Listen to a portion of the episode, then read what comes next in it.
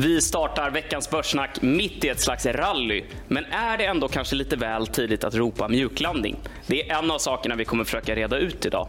Vad mer har vi på agendan, Kalle? Vi har mycket att prata om idag, eller hur? Verkligen. Vi har ett eh, trading case från Ecke Lundin som har tittat närmare på Sinch. Den har ju gått väldigt starkt på slutet. Hur ska man agera där? Han har en eh, intressant take på det.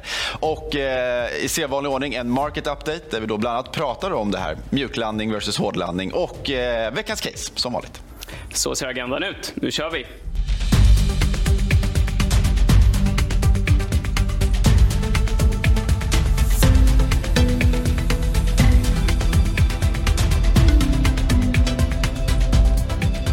Det här är programmet där vi pratar om börsen och allt som rör de finansiella marknaderna. Vi spelar in dagens avsnitt tisdagen den 21 november. Som traditionen bjuder ska vi börja med att följa upp en trade från förra veckan där hade vi Mikrit som handlade Boliden och mm. det har hänt ganska mycket grejer där. Så ska vi ta och hoppa direkt in på vad som hände och titta på grafen? Ja, verkligen. Eh, ja, men det var lite kul. Han såg ju en ganska intressant entry point, eller där man ska kliva in i aktien kring 260 kronor. Hade en ganska tight stop loss. 250 kronor och så sa han att får vi fart uppåt här, vilket han ändå kunde argumentera för, så kanske ta hem vinsten då om den går upp till 300 kronor. Eventuellt om du är lite mer riskbenägen så justerar du upp kanske den där målkursen och justerar upp din stop loss också. Alltså du kanske tar hem lite vinst på 300 kronor och sen så följer du med uppåt och så höjer du den där stopplossen hela tiden. Eh, och det som var intressant var väl just att aktien fick lite av en soppatorsk vid 300 kronor och också vände ner där. Så att, eh, där fick han ju rätt. Och så fick vi en liten rekyl ner efter en stark uppgång och nu har den börjat samla fart igen här och får vi se om den når upp dit igen. Ja, men precis. Och nu är det väl min tur att säga det att Mikrit fick lite draghjälp av det positiva börshumöret lite allmänt. Ja, men absolut. icke desto mindre, eh, riktigt snyggt jobbat och det märks ju att han har en otrolig erfarenhet när det kommer till teknisk analys. Ja, men det gäller liksom att inte underskatta just eh, teknisk analys som ett timingredskap. Eh, att man liksom ändå kan titta på olika tekniska indikatorer och se kanske. Ja, men försöka tajma en, en aktie lite mer och skapa överavkastning på så sätt. Och som du nämner, eh, han har ju också en väldig disciplin med stopparna där. Ja. Det är också viktigt för ja. att det inte ska göra för ont när det går åt andra hållet. Verkligen. Vi tar och tittar på en ny trade som mm. kommer från Ecka Lundin. Mm. Ecka Lundin vill ju den här veckan handla Sinch. Sinch är ju ett molnkommunikationsbolag och en så här riktig småspararfavorit mm. får man ändå säga. Eh, ska vi ta och titta på vad det är han vill göra i Sinch? Ja, men vi kan väl börja med, liksom, det har ju varit en extremt volatil resa. Alltså den aktien, det gick ju hur bra som helst i den här pandemihåsen eller, eller vad man nu ska kalla det. Eh, man extrapolerade den här tillväxtkurvan. Man trodde på väldigt stark tillväxt. Lönsamheten skulle komma. Värderingarna stack iväg otroligt mycket. Men sen så fick vi den här baksmällan som många teknikbolag, tillväxtbolag har fått uppleva. Ja, den är väl ner 70 procent sen toppen eller något sånt. Ja. Och det då trots den här senaste tidens eh, ja, men ändå bra kursutveckling. Och den är väl ganska till stor del mycket driven av en bra rapport, eller ja. hur? Ja, men det blev lite relief i aktien. Det blev lite lättnad. Aktien har varit hårt blankad. Fortsatt väldigt hårt blankad. En av de mest blankade på Stockholmsbörsen. Eh, så det kan ha bidragit till den här väldigt starka studsen efter en rapport som, ja, den, den var bättre än väntat. Eh, vi kunde se analytikerna skruva upp sina vinstprognoser, har vi pratat om förut. Det är alltid ett skönt stöd till aktiekursen när analytikerna liksom justerar upp den där förväntade vinsten längre fram. Eh, och det är ju en sån här aktie som, som kommer förmodligen att gå bra om räntorna kommer ner lite grann. Det är en räntekänslig tillväxtaktie helt enkelt med höga multiplar. Just det. Och det som Ecke vill göra är väl att han vill köpa om den här faller tillbaka lite grann. Mm. Just som du nämner, i och med att vi har fått många höjda prognoser från analytikerna och att man har det stödet i, i botten då på något sätt. Ja, exakt. Och så har aktien gått väldigt starkt, så den är lite överköpt som man säger. Så att skulle vi få lite vinsthemtagningar här, då har han spanat in nivån kring 23 kronor ungefär, som man kan se i grafen. Och där han menar på att där kan det vara en bra nivå att kliva tillbaka in i aktien. Om vi får en liten sättning och lite vinsthemtagning så kan man kliva på aktien där igen. Du nämnde också att den är väldigt blankad. Vill du bara dra lite kort, vad kan hända där om den börjar gå? Eh, det kan bli lite mer bränsle för uppgången på något sätt, eller? Ja, men exakt. Man brukar ju prata om short covering eller short squeeze, att de som är korta aktien liksom måste, måste täcka sina positioner och då kan det då ge lite extra draghjälp till, till aktiekursen. Plötsligt ser vi uppgångar och en riskaptit som vi nästan helt hade vant oss av vid. Eh, delvis är det drivet av inflationssiffror från USA och Sverige. Räntevapnet verkar fungera. Men berätta, just lite mer kött på benen. Vad är det som händer just nu? Ja, nej, men du belyser ju någonting där, att riskaptiten har kommit tillbaka i takt med att investerare nu känner sig mer trygga med att centralbankerna inte kommer höja räntan och mer. Eh, och det här kan vi diskutera. Jag vet inte hur många glädjevarv som börsen har tagit senaste åren. De har varit för snabba att tro att det är över. Men eh, nu får man väl ändå säga att det förmodligen är så. så att, och det här gör ju börsen lite lugnare med att centralbankerna inte kanske kommer höja räntan för mycket.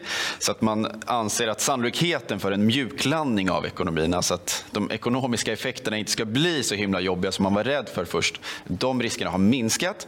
Eh, och då ser vi också på, på börsen hur mer räntekänsliga aktier har gått bättre och många av de här har ju varit extremt nedtryckta. Ja, men det har ju du med dig faktiskt också. Du har ju sammanställt det. Vilka branscher och aktier som går bäst respektive sämst. Mm. Ska ja. vi hoppa in i det? Ja, men jag tyckte det var lite kul att bara ta fram alla olika sektorer vi har på Stockholmsbörsen för att då se hur de har gått senaste månaden.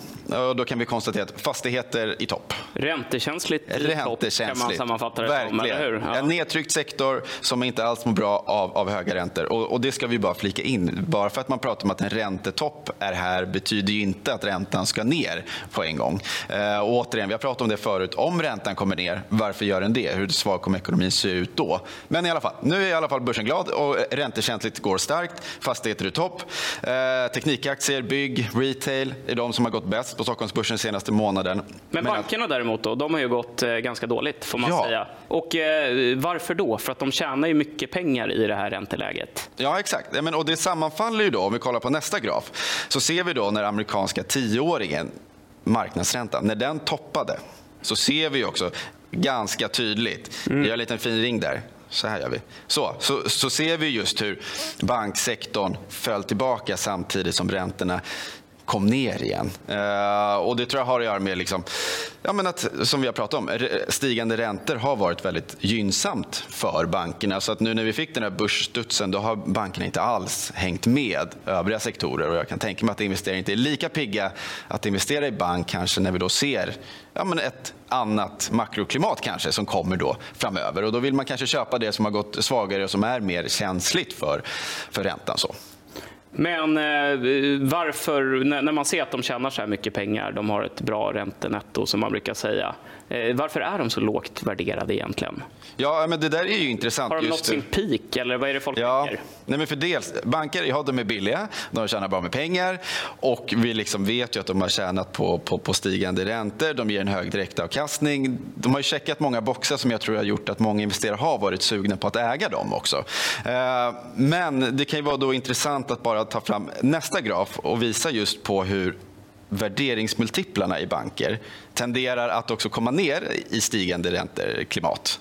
Eh, vilket kan då låta lite paradoxalt kanske. Eh, men jag tror att det är en kombo av att dels ja, vinsterna ökar såklart, eh, men också att marknaden sätter en högre riskpremie på banksektorn. Alltså man är lite orolig för... Kreditförluster då Exakt. kanske, att folk inte har råd att betala sina lån helt enkelt. Ja. Om det är hög ränta för länge. Ja, men det blir lite att man tittar runt hörnet och så tänker man okej, okay, banksektorn, men den mår bra nu och de tjänar bra med med pengar för att räntorna är höga. Det är en räntekänslig sektor åt det positiva hållet. Då. Eh, men att dels kommer det här ebba ut.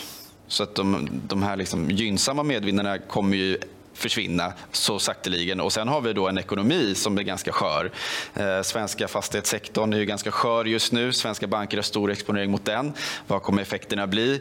Och ja, men som du var inne på, kreditförluster och sådär. Så det här eh, samman, om man kokar ner det till, till någonting så gör det nog att marknaden blir lite orolig och då sätter man också kanske en lägre multipel på det. Så att om man ska väl bli positiv då så kanske man kan tro på lite högre värdering framöver i takt med då om räntorna kommer ner lite grann. Så kanske man vågar bli lite mer positiv positiv till bank, få upp eh, värderingsmultiplarna igen. Men med det sagt, bank har ju fortfarande en utmaning med att växa. Eh, det är mycket på kostnadssidan som gör att man växer vinsten på nedersta raden. Eh, så att, Ja, det, är, det är en väldigt populär sektor att äga. De har de här attraktiva attributen med en väldigt hög direktavkastning. Eh, stora, i grunden välskötta banker. Men eh, ja, det ska bli intressant att bara följa eh, utvecklingen framöver om man blickar liksom i toppen av den här pyramiden av bolag som har gått bra i det här läget. Eh, det tänker jag att det är ganska många som har suttit på innehav länge som man kanske har velat göra sig av med. Man kanske vill ta hem en vinst eller tvärtom, man kanske vill realisera en förlust ja. som blir lite mindre.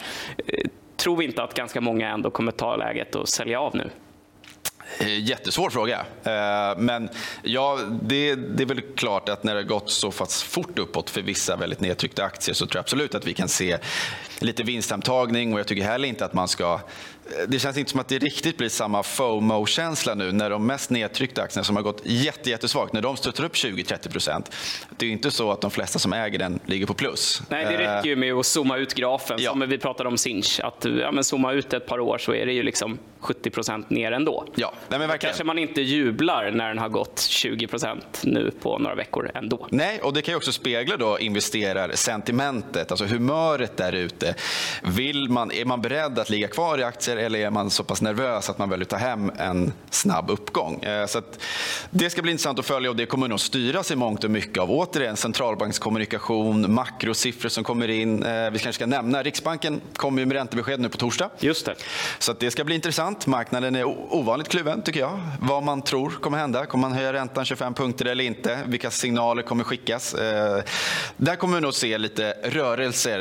Ja, svenska kronan, svenska fastighetsbolag de kommer nog röra sig på, på torsdag. Så är det. Men vi kan ju bara avslutningsvis här säga att eh, tonläget har ändrats mycket på ungefär en vecka. Eh, vi stod här förra veckan också och pratade om eh, räntebesked och nu känns det som att ändå ganska många tror att vi är klara. Vi ska ju också ta tillfället i akt och nämna två väldigt roliga event som sker snart, eller hur? Ja, exakt. Eh, så imorgon onsdag då är det stora tradingdagen i Stockholm och veckan efter så drar tåget vidare till Malmö och Göteborg. Så där har vi vårt stora, stora trading-event som ska bli superkul. Spännande. I veckans case kommer vi göra en jämförelse mellan tillväxt och utdelningsaktier. Kalle, berätta. Vad är det du har med dig den här veckan? Ja, men jag tänker det är ju liksom... Jag tycker i nyhetsflödet man läser mycket om utdelningsaktier nu. Eh, man vill liksom gå lite före den här utdelningssäsongen som kommer om ett halvår. Man brukar se det tycker jag. Att när det närmar sig årsskifte då brukar man titta på vilka bolag har en hög direktavkastning, vilka erbjuder någonting intressant nu kommande året. Och då är direktavkastningen ändå en intressant variabel. Vi har pratat förut om just i takt med lite skakigare marknadsklimat, högre räntor. Man är ganska glad för den där direktavkastningen plötsligt på 4-5 procent. Ja men verkligen, det är ju lite annat ljud i skällan nu. Ja, men också, först och främst så har jag med mig en graf bara för att visa om du tar OMXS30 inklusive utdelningar exklusive utdelningar och jämför bara skillnaden. Då kan vi då se blå linje så har man då återinvesterat sina utdelningar. Det är en graf som sträcker sig 20 år tillbaka och bara ser då, det är rätt stor skillnad. Verkligen. Eh, så att det kan vara värt att bära med sig just vikten av utdelningen över tid. Att man orkar kanske återinvestera den där utdelningen. Det finns ju roliga grafer på det. Typ, ta Tele2-grafen. Den aktiekursen har inte varit svinrolig men lägg på en totalavkastning på det. De har alltid delat ut väldigt mycket så, så ser det helt annorlunda ut. Så det kan vara värt att komma ihåg. Eh, och på det temat då så tänkte jag eh, faktiskt lägga över allting på dig. Ah. Om det är okej. Okay. Eh, jag vet, nu blir det lite taget på sängen här. Men ja, vi ska prata om utdelningsaktier versus tillväxtaktier och vad vi tror kommer gå bäst då kommande halvåret. Jag trodde ju att jag skulle kunna stå här i skydd av någon sorts journalistisk integritet Absolut och slippa inte. den här typen Nej. av grejer. Men okej, okay, det blir kul. Ja. Vad är det jag ska göra? Men då tänker jag så här, jag har satt upp två olika portföljer. Och då har vi dels teamutdelningar. och då har det, varit, det har haft fyra olika kriterier och där man, jag tycker man måste plocka av tre av dem i alla fall. Eh, och då är det en hög direktavkastning. Jag har satt gränsen vid 3 så jag har varit ganska snäll. Men de flesta av de här har, har en väldigt hög direktavkastning. Eh, man ska ha stabila kassaflöden, starka finanser och låg värdering. Så att, eh, av de bolag som är här så tycker jag i alla fall att de här bockar av minst tre av fyra.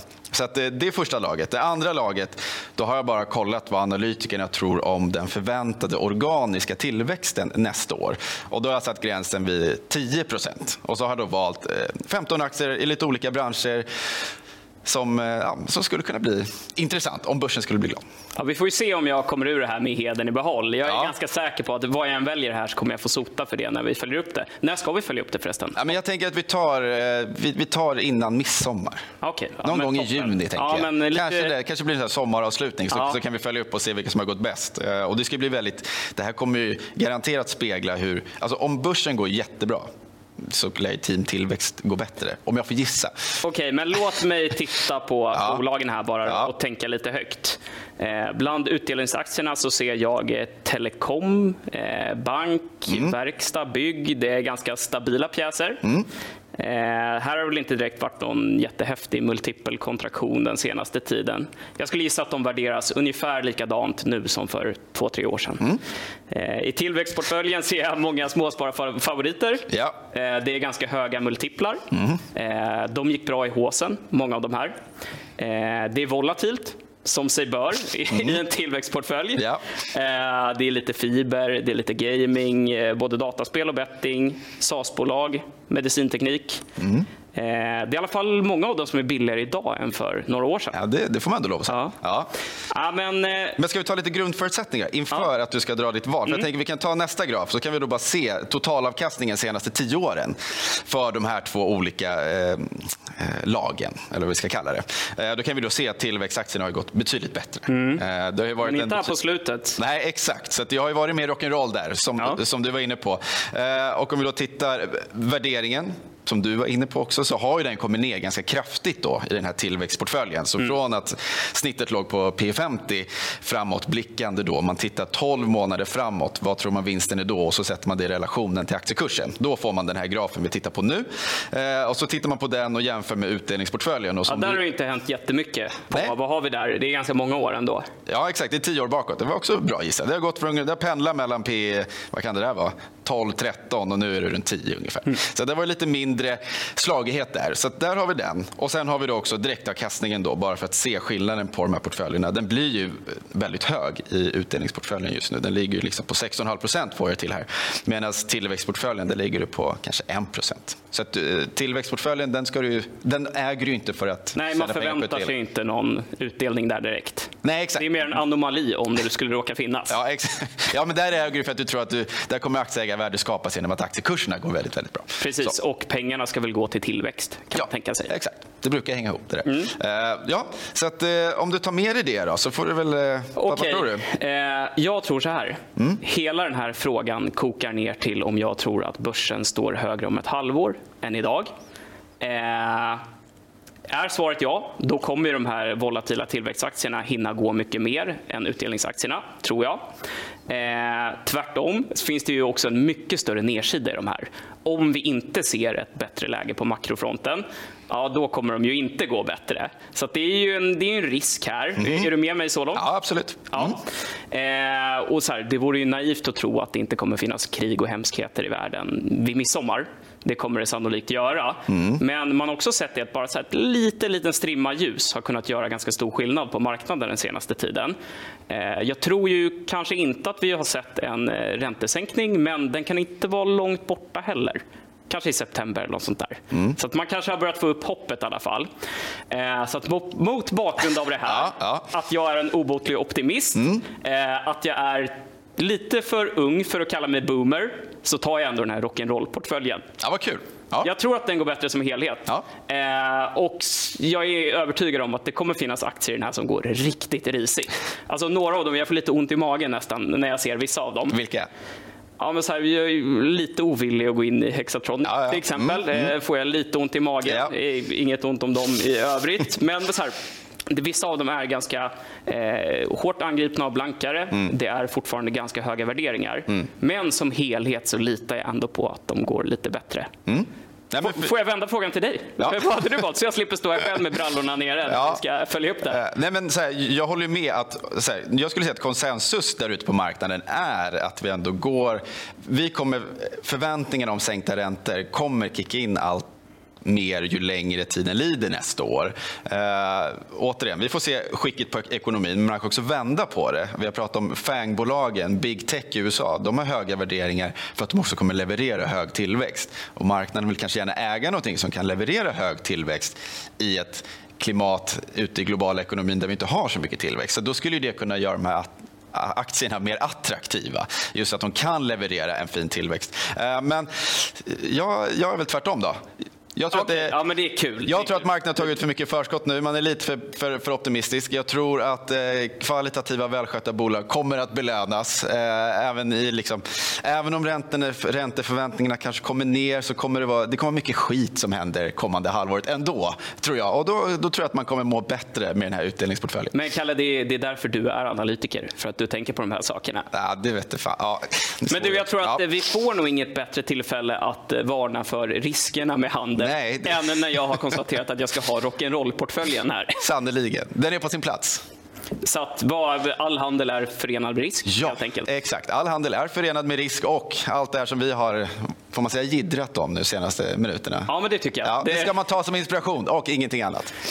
Ja, och eh, vi kanske ska säga det att nu blir det ju en liten tid framöver här där vi löser av varandra i studion. Mm. Eh, beror ju delvis på lite semester, men kanske mer väsentligt. Du ska bli pappa igen. Jag ska bli pappa igen. Grattis! Exakt. Tack. Superkul ju. Ja, så att, eh, exakt. Du har semester två veckor och sen är jag pappaledig två veckor. Så det kommer bli lite eh, rullians på um, studiofolket. Precis, men det jag skulle komma till är att vi kör ju på precis som vanligt. Mm. Vi kommer ju byta av varandra med lite gäster här innan vi är återförenade om tre, fyra veckor igen. Sådär. Exakt. Vi ska också passa på att tacka alla er som har tittat den här veckan. Vi är jätteglada över att ni är med oss.